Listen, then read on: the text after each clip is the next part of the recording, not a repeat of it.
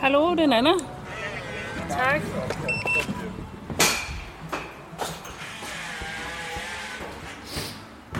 Den findes faktisk i virkeligheden. Den to meter lange drage, lavet af slik og klistret på et lærred, lyser fra sin plads på væggen af sukkerkrystaller, blødt skum og skinnende vingummier. Hej. Det er en god, god opstigning. Ja, hej, kom ind. Hej, tak. Jeg husker svagt, at min datter har snakket om netop den YouTube-video, hvor lakserytteren laver et kunstværk af slik. Er det herinde, du øh, Det er, huserer? det er her, jeg holder til. Ja. Men øh, jeg lyttede nok kun efter med et halvt øre, må jeg indrømme. Men nu forstår jeg lige pludselig, hvad hun mener. For det er dragende. Hehe. Gud, det er slik, det der. Ja, det er slik. Wow, Øh, det er vildt flot. jo, tak. Tak. Jamen, det synes, det synes jeg også, og det synes børnene også. Ja. Øh, og de synes jo også, at det er mega skørt. Det er morgen, og jeg står i lakserytterens lejlighed i indbydende gule, lyserøde og ferskenfarvede nuancer på 4. sal i København, hvor han bor og arbejder. Hans borgerlige navn er Rasmus Kolbe, men de 100.000 børn, der er subscribers på hans kanal, og den halve million, der ser med om måneden, de kender ham under navnet Lakserytteren, eller bare Lakse. De seneste syv år, der har han levet af at underholde børn på både Snapchat, Instagram, TikTok og YouTube. Og på YouTube laver han videoer, som inspirerer til at tegne og være kreativ og lege på nye måder. Og det er lige præcis sådan nogle videoer, som mine børn elsker at se. Jeg hedder Anna Schelte, og jeg er skribent her på Zetland. Og jeg står her i kontoret med det gule loft, fordi jeg er en mor og en journalist på en mission. Min 9-årige datter er den eneste i sin klasse, der ikke har en mobiltelefon, men jeg har lovet, at hun må få en, når hun om lidt begynder på fritidsklub, og i højere grad skal begynde at gå hjem selv. Og jeg må indrømme, at jeg frygter den dag. Jeg frygter, at hun bliver en sofakartoffel, der mest har lyst til bare at sidde og stene, ja, YouTube efter skole. Jeg frygter, at hun mister sin barndom, når hun bliver suget ind i telefonens dopaminudløsende og algoritmeoptimerende univers. Og så var det, at Rasmus Kolbe, en af Danmarks allerstørste børne-YouTuber, sendte mig en mail. Jeg elsker mit job, hvor jeg underholder børn på YouTube, skrev han. Og samtidig så forstår jeg faktisk ikke helt, hvorfor forældre lader deres børn se så meget YouTube. Jeg måtte lige læse det her to gange. En YouTuber, der er bekymret for YouTube. Det lyder til, at der er noget at være ængstelig over, når en af dem, der virkelig ved meget om YouTube, og endda lever godt af det, selv er nervøs. Curse word? Probably fuck. How can I be homophobic? My bitches. Og, og jeg er jo her. Vi sætter os ved det orange skrivebord, hvor lakserytteren hver uge producerer en ny video med kreaindhold målrettet børn i alderen 8-12 år. Han laver også malebøger, børnebøger og har i 2022 skrevet guidebogen til voksne, Turen går til YouTube, hvor han forsøger at gøre os klogere på, hvad den her platform egentlig er for et sted. Og jo, Rasmus Kolbe, han har skam laksetøj på, som mine børn kalder det. En farverig, mønstret skjorte og godt med svung i krøllerne. Ja. Og på den ene side, så synes jeg jo, det er fedt, at han inspirerer børn til at være mere kreative. På den anden side, så er Rasmus Kolbe jo selv med til at holde børnene klistret til skærmene og holde liv i den industri, jeg er bange for. Som jeg også skrev om, så, så frygter jeg, at, at telefonen kan være med til at, og det man kan med telefonen, altså kan være med til at stjæle hendes barndom, forstået på den måde, at, Ja. at hun hellere vil se på skærmen, end netop at lave alle mulige ting med at lege og så videre, ikke? Ja. Og Altså, det- trampolin og... Hvad, hvad tænker du? Tænker du, jeg, at det er sådan lidt hysterisk, øh, eller hvad tænker du egentlig? Nej, jeg tænker faktisk, det lidt er et usagligt argument. Ja. Fordi en ting er jo alle de ting, du kan lave med din telefon, som er stillesiddende. Ja. Men den anden... Men så er der så alle de andre ting også. Ja. Så øh, jeg, jeg synes generelt, at vi skal passe på med at snakke om skærmtid som værende sådan en variabel, hvor længe børnene sidder med telefonen passivt og kigger på skærmen. Og faktisk så mener han, at skærmtid er et tokrummende begreb, for man kan jo faktisk ikke inddele et barns liv i skærmtidszoner. Tiden på skærmen er jo vidt forskellig. Jo, det kan godt være en meget passiv situation, hvor barnet bare stener, men skærmen kan også byde på en god lydbog, et sjovt spil med en ven, og være med til at understøtte eller udvide lejen. Min datter er for eksempel vild med at hoppe på trampolin, og i princippet, siger Rasmus Kolbe, så kan hun jo se 5 minutters trampolinvideo på YouTube, der lærer hende et nyt spring, som hun efterfølgende kan gå ud i haven og prøve. Dog, medgiver han, er det ikke så tit, at børn kun nøjes med at se YouTube i 5 minutter ad gangen. Og jeg kan godt mærke, at det bliver en proces for mig at anerkende, at leg på platformene også kan være lige så prima som den ude i haven. Leg findes også på din telefon. Leg er øh, så komplekst og så svært at forstå for os voksne, der ikke er en del af den, øh, at vi også vi har svært ved ligesom at se, at den findes, når den findes inde på en skærm. Fordi mm. den, Mm. den i virkeligheden ikke er tydelig, ligesom når vi hopper på trampolin eller leger med dukker eller gemmer os øh, ude i haven. Og det er en ret i, tror jeg. Jeg er sådan en mor, der mærker lykken banke i brystet, når mine børn bygger en hule udenfor, men kigger nervøst på uret, når de sidder med en iPad. Jeg skal prøve at tænke tilbage på den gang. Jeg selv gik på fritidshjem, foreslår Rasmus Kolbe. Tænk på regionen i SFO'en, den hvor der fandtes alle brætspil i hele verden. Det kan jeg sagtens se for mig, siger jeg. Og i dag, siger han, der ligger alle de spil også inde på skærmen, eller der er i hvert fald et kæmpe udvalg af gode platforme med spil. Der er for eksempel Roblox, som svarer til den her region med spil, eller Scratch, hvor man kan lære at kode. Så, så, så på den måde er der masser, masser af gode steder at lege. Så jeg tror ikke helt, jeg køber din præmis omkring, at det at få telefonen mm. er lige med, at lejen forsvinder. Nej. Det er mere et spørgsmål om, at der ligger en mellemregning, der hedder, når man så har fået telefonen, så skal man lære, hvordan man opfører sig med den. I dag bliver der uploadet mere end 500 timers video hvert minut på YouTube fra brugere i hele verden. Og det betyder i sagens natur, at man kan finde alt. Og det kan børn også. Algoritmerne de er skabt til at holde os fanget i de her kaninhuller så længe som muligt, så vi bliver eksponeret for så mange reklamer som muligt. Det viser adskillige undersøgelser. Og den her platform, YouTube altså, bliver også kaldt den mest velbetalte barnepige nogensinde. Og som mor, der oplever jeg, hvordan mine børn glemmer alt omkring dem, når de ser YouTube. Det er faktisk et af de eneste tidspunkter, hvor de glemmer, at de er sultne. Inden jeg landede her i YouTube-værkstedet hos Lakserytteren, der har jeg gjort mig store og mange tanker om regler for skærmtid, når min datter får en telefon. Jeg havde egentlig tænkt, at maks en time om dagen måske kunne være et godt udgangspunkt. Men nu siger lakserytteren altså, at det er totalt kikset overhovedet at tale om skærmtid. Jeg skal bare lige forstå, når du siger det her med skærmtid, at det sådan er et misforstået begreb. Betyder det så, at du synes, at børn ubegrænset skal have deres telefon? Nej, øh, det, det synes jeg ikke. Jeg synes ikke, de skal ubegrænset øh, være på skærm. Men jeg synes, vi i langt højere grad skal som voksne øh, gå ind i en tankeproces omkring, hvad er den bedste form for skærmtid for mit barn. Ja. Så alle børn er forskellige, og børn er forskellige på forskellige dage og har brug for forskellige ting. Mm. Vi kender alle sammen den der følelse af at komme hjem fra arbejde og bare have brug for at se fire timers Netflix og så gå i seng. Ja. Den oplevelse tror jeg også, der er børn, der har. Ja. Og så kan det godt være, at det giver mening for dem at sidde og se fire timers YouTube, spise en pizza og øh, komme tidlig i seng. Jeg gyser lidt indeni, da han siger det. Fire timers YouTube og pizza. Og samtidig så forstår jeg ikke helt, hvordan det hænger sammen med det, han skrev i sin mail. Der undrede han sig over, at forældrene lod deres børn være så meget på YouTube. Det er som om, der mangler en forklaring her. Det siger jeg til ham. Du skrev jo til mig i forbindelse med den her mission, som jeg er på, da, da jeg ligesom øh, gik i gang med den.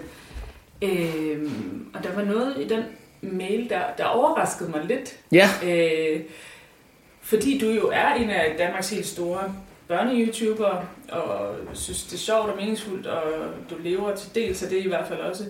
Og så alligevel så skrev du til mig, at du forstår ikke helt, hvorfor forældre lader deres børn se så meget YouTube, som de faktisk gør. Ja, Hvad, hvad mener du med det? Jeg oplever at møde nogle børn, som virkelig bruger lang tid på YouTube. Altså hvor at det, de laver, når de kommer hjem fra skole, er at se YouTube. Ja. Øhm, og nogle gange kan jeg være i tvivl om, børnene i virkeligheden er blevet introduceret for, hvad de ellers kan lave. Okay. YouTube er sådan et stort globalt medie, hvor der er alle mulige interesser. Mm. Øh, og når børnene er på YouTube, så er de der primært alene. Og for det meste går det godt, og nogle gange går det bare skidt. Og som forældre, så skal man faktisk være lidt bange for, hvad børnene foretager sig på YouTube og andre sociale medier. Alt andet, det er uansvarligt, siger lakserytteren.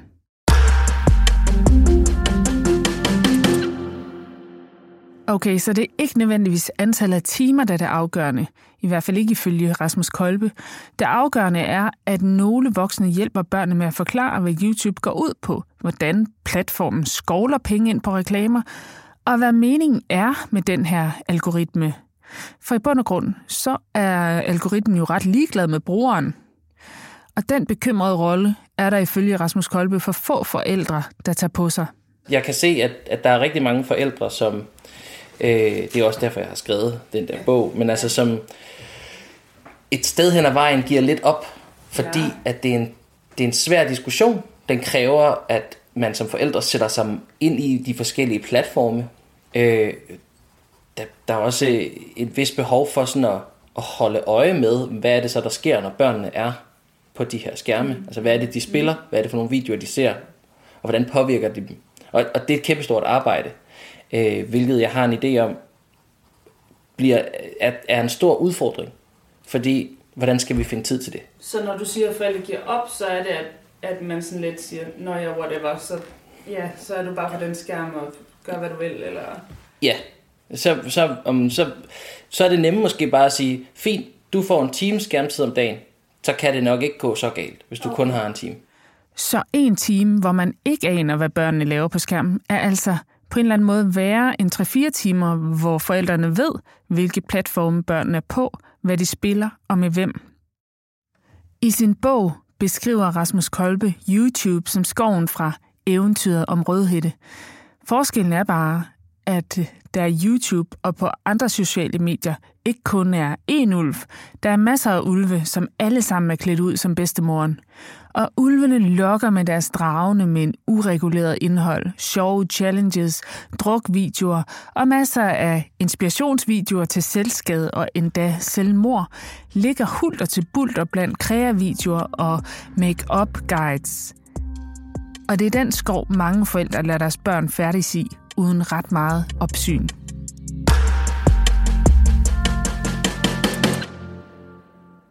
Bedst, som jeg sidder med en fornemmelse af, at det hele ser lidt svært ud, siger Rasmus Kolbe noget, der får mig til at spidse ører. Han siger, at han tror, at vi snart står ved en skillevej. Som samfund kommer vi til at indrette os på en ny måde, som stiller os mere kritisk over for tech-giganterne. Selv går han, en af Danmarks store YouTuber, hårdt til firmaerne bag sociale medier. I hvert fald mener han, at alle vi voksne bør skubbe på, så tech-giganterne bliver tvunget til at passe meget bedre på børnene på internettet, end de gør lige nu. Lige nu, der vil de ikke rigtig anerkende, at de laver indhold til børn, for hvis de gør det, så kræver det, at de opfører sig langt mere reguleret og etisk, end det lige nu er tilfældet.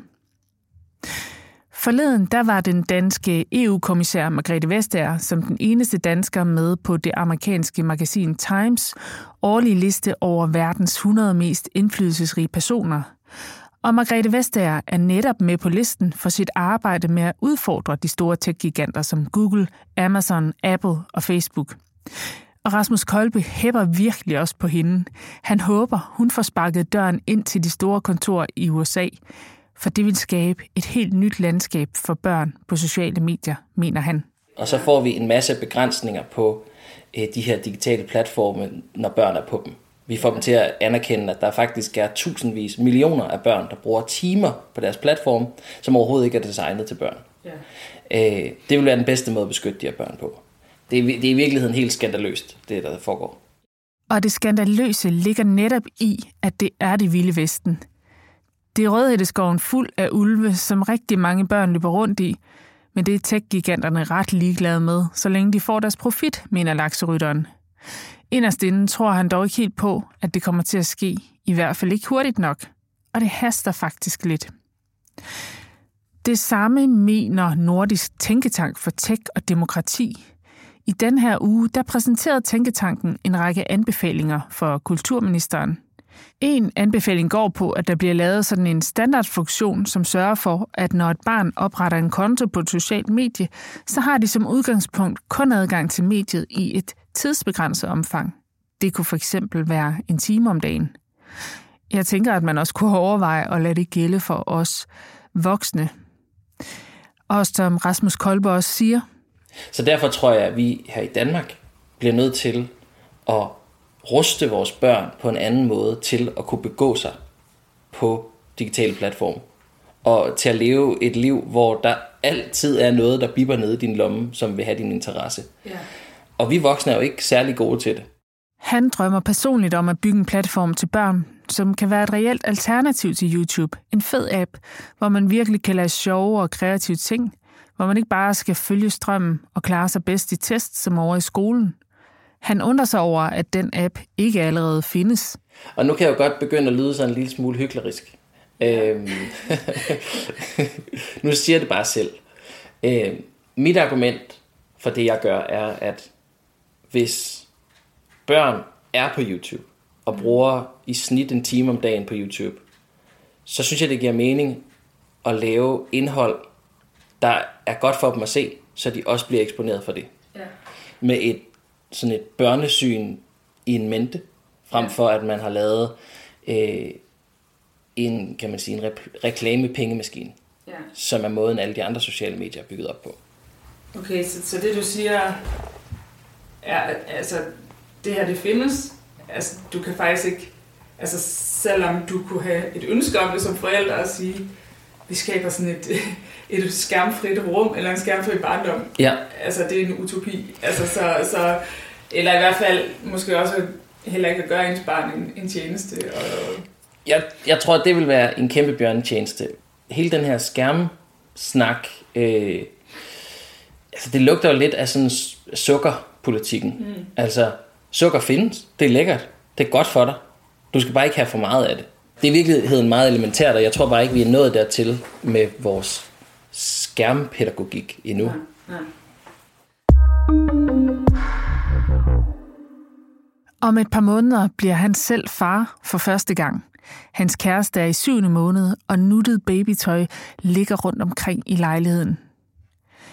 Hvilken slags far kommer du til at være i forhold til skærmene, spørger jeg. Han siger, at han vil være en kritisk far, der er kritisk over for tech men han vil altså ikke være en far, der forbyder sit barn at være på skærmene. Omvendt så bliver han heller ikke en far, der sætter YouTube på i klapvognen. Han forstår slet ikke de forældre, der bruger YouTube som den primære tv-kanal, hver gang deres tumling skal se en film med Paw Patrol for eksempel. Men også det kommer til at ændre sig, tror han. De kommende forældregenerationer vil generelt være mere kritiske, men også have en, en bedre forståelse af, hvad skærmene kan bruges til, også de gode ting, fordi de selv er vokset op med dem, mener lakserytteren. Jeg tror, vi kommer til at se en, en kæmpe, altså, en kæmpe, et kæmpe ryg i det her space. Øh, Jeg tror, de forældre, der får børn nu, øh, som har været på sociale medier rigtig længe, mm. har en anden holdning til, hvordan deres børn skal interagere med skærme og sociale medier. Okay. De børn, som er, hvad er de, de er måske mellem 13 og, 13 og 18 eller sådan noget nu. Ja, ja. Det er jo de børn, der øh, er øh, vokset op uden GDPR. Ja. Øh, u- uden at der var nogen, der havde styr på, hvad, hvad betyder det, når man får en mail fra Nigeria mm. i mailboksen. Og sådan. Ja. Altså, de er jo virkelig bare blevet kastet for løverne. Ja. Øh, og så er der ligesom, øh, så er der så dem, der lige er 10 år yngre nu, mm. som, går i, som går i skole øh, i de yngre klasser nu. Ja. Der, dem bliver vi nødt til sådan at tage ekstra hånd om. De har haft øh, fri skærmtid, eller fri leg på skærmen, mere eller mindre, øh, hele deres øh, barndom. Og nu bliver de voksne mere og mere bekymrede, og Ja. vil forbyde TikTok, eller hvad det nu kan være. Så vi bliver nødt til at have nogle virkelig gode diskussioner med dem omkring, hvordan har man gode internetvaner, og hvordan har man gode skærmvaner.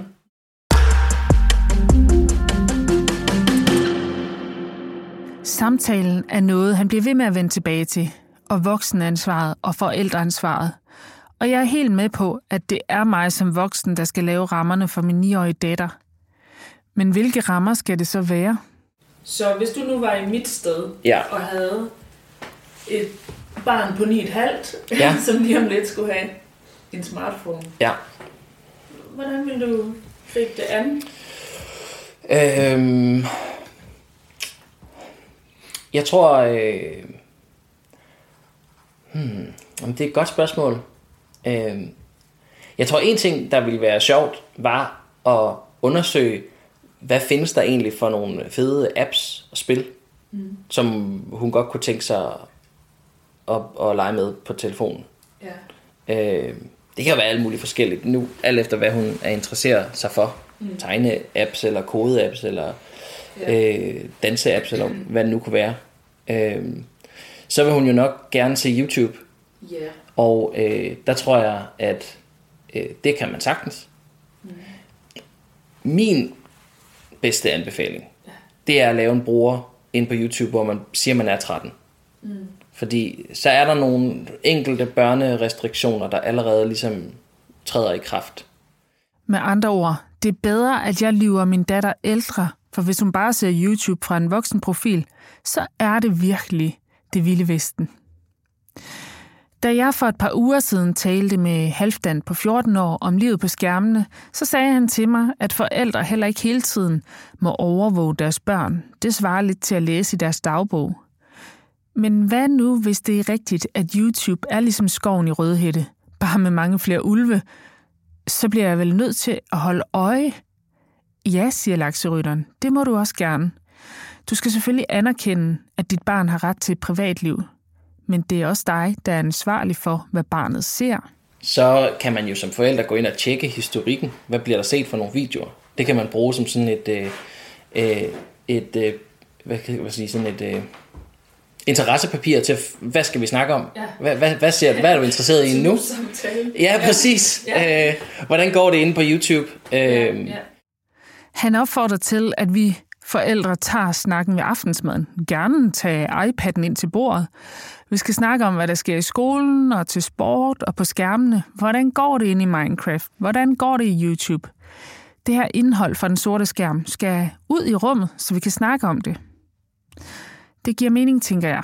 I det øjeblik, man får sin første telefon, så skal der følge nogle gode råd med og nogle gode snakke. Det er ligesom når man får sine første kondomer, uddyber Rasmus Kolbe.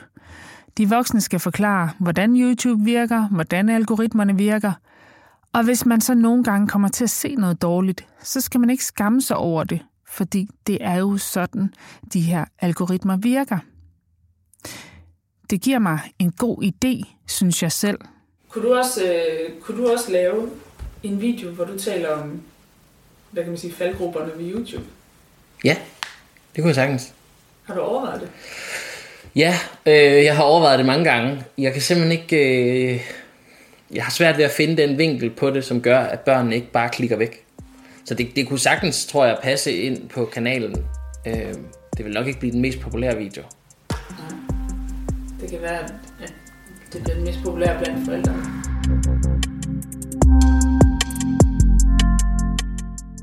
Jeg siger, at vores samtale i hvert fald har sat nogle tanker i gang hos mig. Jeg tror, du har overbevist mig om, at børn på skærme er mere nuanceret, end jeg egentlig troede, siger jeg. Og så må jeg prøve at tage med mig videre, at leg kan antage mange former, også på skærmen. Og jeg kan stadig godt mærke, at jeg skal arbejde med mig selv her. Jeg har svært ved at acceptere, at leg på skærm er lige så godt som at bygge med Lego. Jeg kan mærke, at jeg stadig opfatter det lidt som at spise McDonald's til aftensmad. Men jeg må også indrømme, at jeg ikke har afsøgt området særlig godt endnu. Forleden der var min datter fyr og flamme, efter de havde haft et kodekursus i natur og teknik. Og hun fløj på en sky, da hun havde lært at lave stop-motion-videoer i det samme fag. Til gengæld må jeg gerne, ifølge lakserytteren i hvert fald, klappe mig selv på skulderen for at have et kritisk blik på alle de her tech-giganter og deres algoritmer og den afhængighed, de skaber. Og så har jeg også lært en ting til. Jeg må simpelthen ændre den måde, jeg taler på. alt andet er kikset. Jeg havde også folk, øh, der, der snakker om sådan den virkelige verden og den Ja. digitale verden. Altså, det har jeg jo sagt så sent som i går. Okay, jamen den virkelige verden, er, i den virkelige verden findes mobiler. Ja. Så vi bliver nødt til at forholde os til den. Vi kan ikke ligesom sådan, vi kan ikke ligesom koble fra det faktum, at sociale medier og telefoner er en kæmpe del af vores hverdag. Okay, så den er ligesom øh, sivet ind. Mobiler findes, både børn og voksne vil have dem, og det er os voksne, der skal lære børnene, hvordan de gør med de mobiler. Jeg fortsætter min mission, og nu med særligt fokus på løsninger. Hvordan skal vi, både børn, unge og voksne, indrette vores liv med mobilerne? Sidder du med en løsning eller en god idé, så skriv til nana eller i bidragssporet under artiklen her. Og jeg skal huske at sige, at vi er så heldige, at øh, lakserytteren eller Rasmus Kolbe er med os i bidragssporet i artiklen i dag. Så hvis du har noget på hjerte, du gerne vil spørge ham om, så skriv endelig derinde. Det var Hakon Mosbæk, der var min redaktør. Oskar Lemke har stået for lyddesign, og Nils Malte Lundsgaard har klippet det hele sammen. Jeg hedder Anna Schelte og vil bare sige tusind tak, fordi du lyttede med.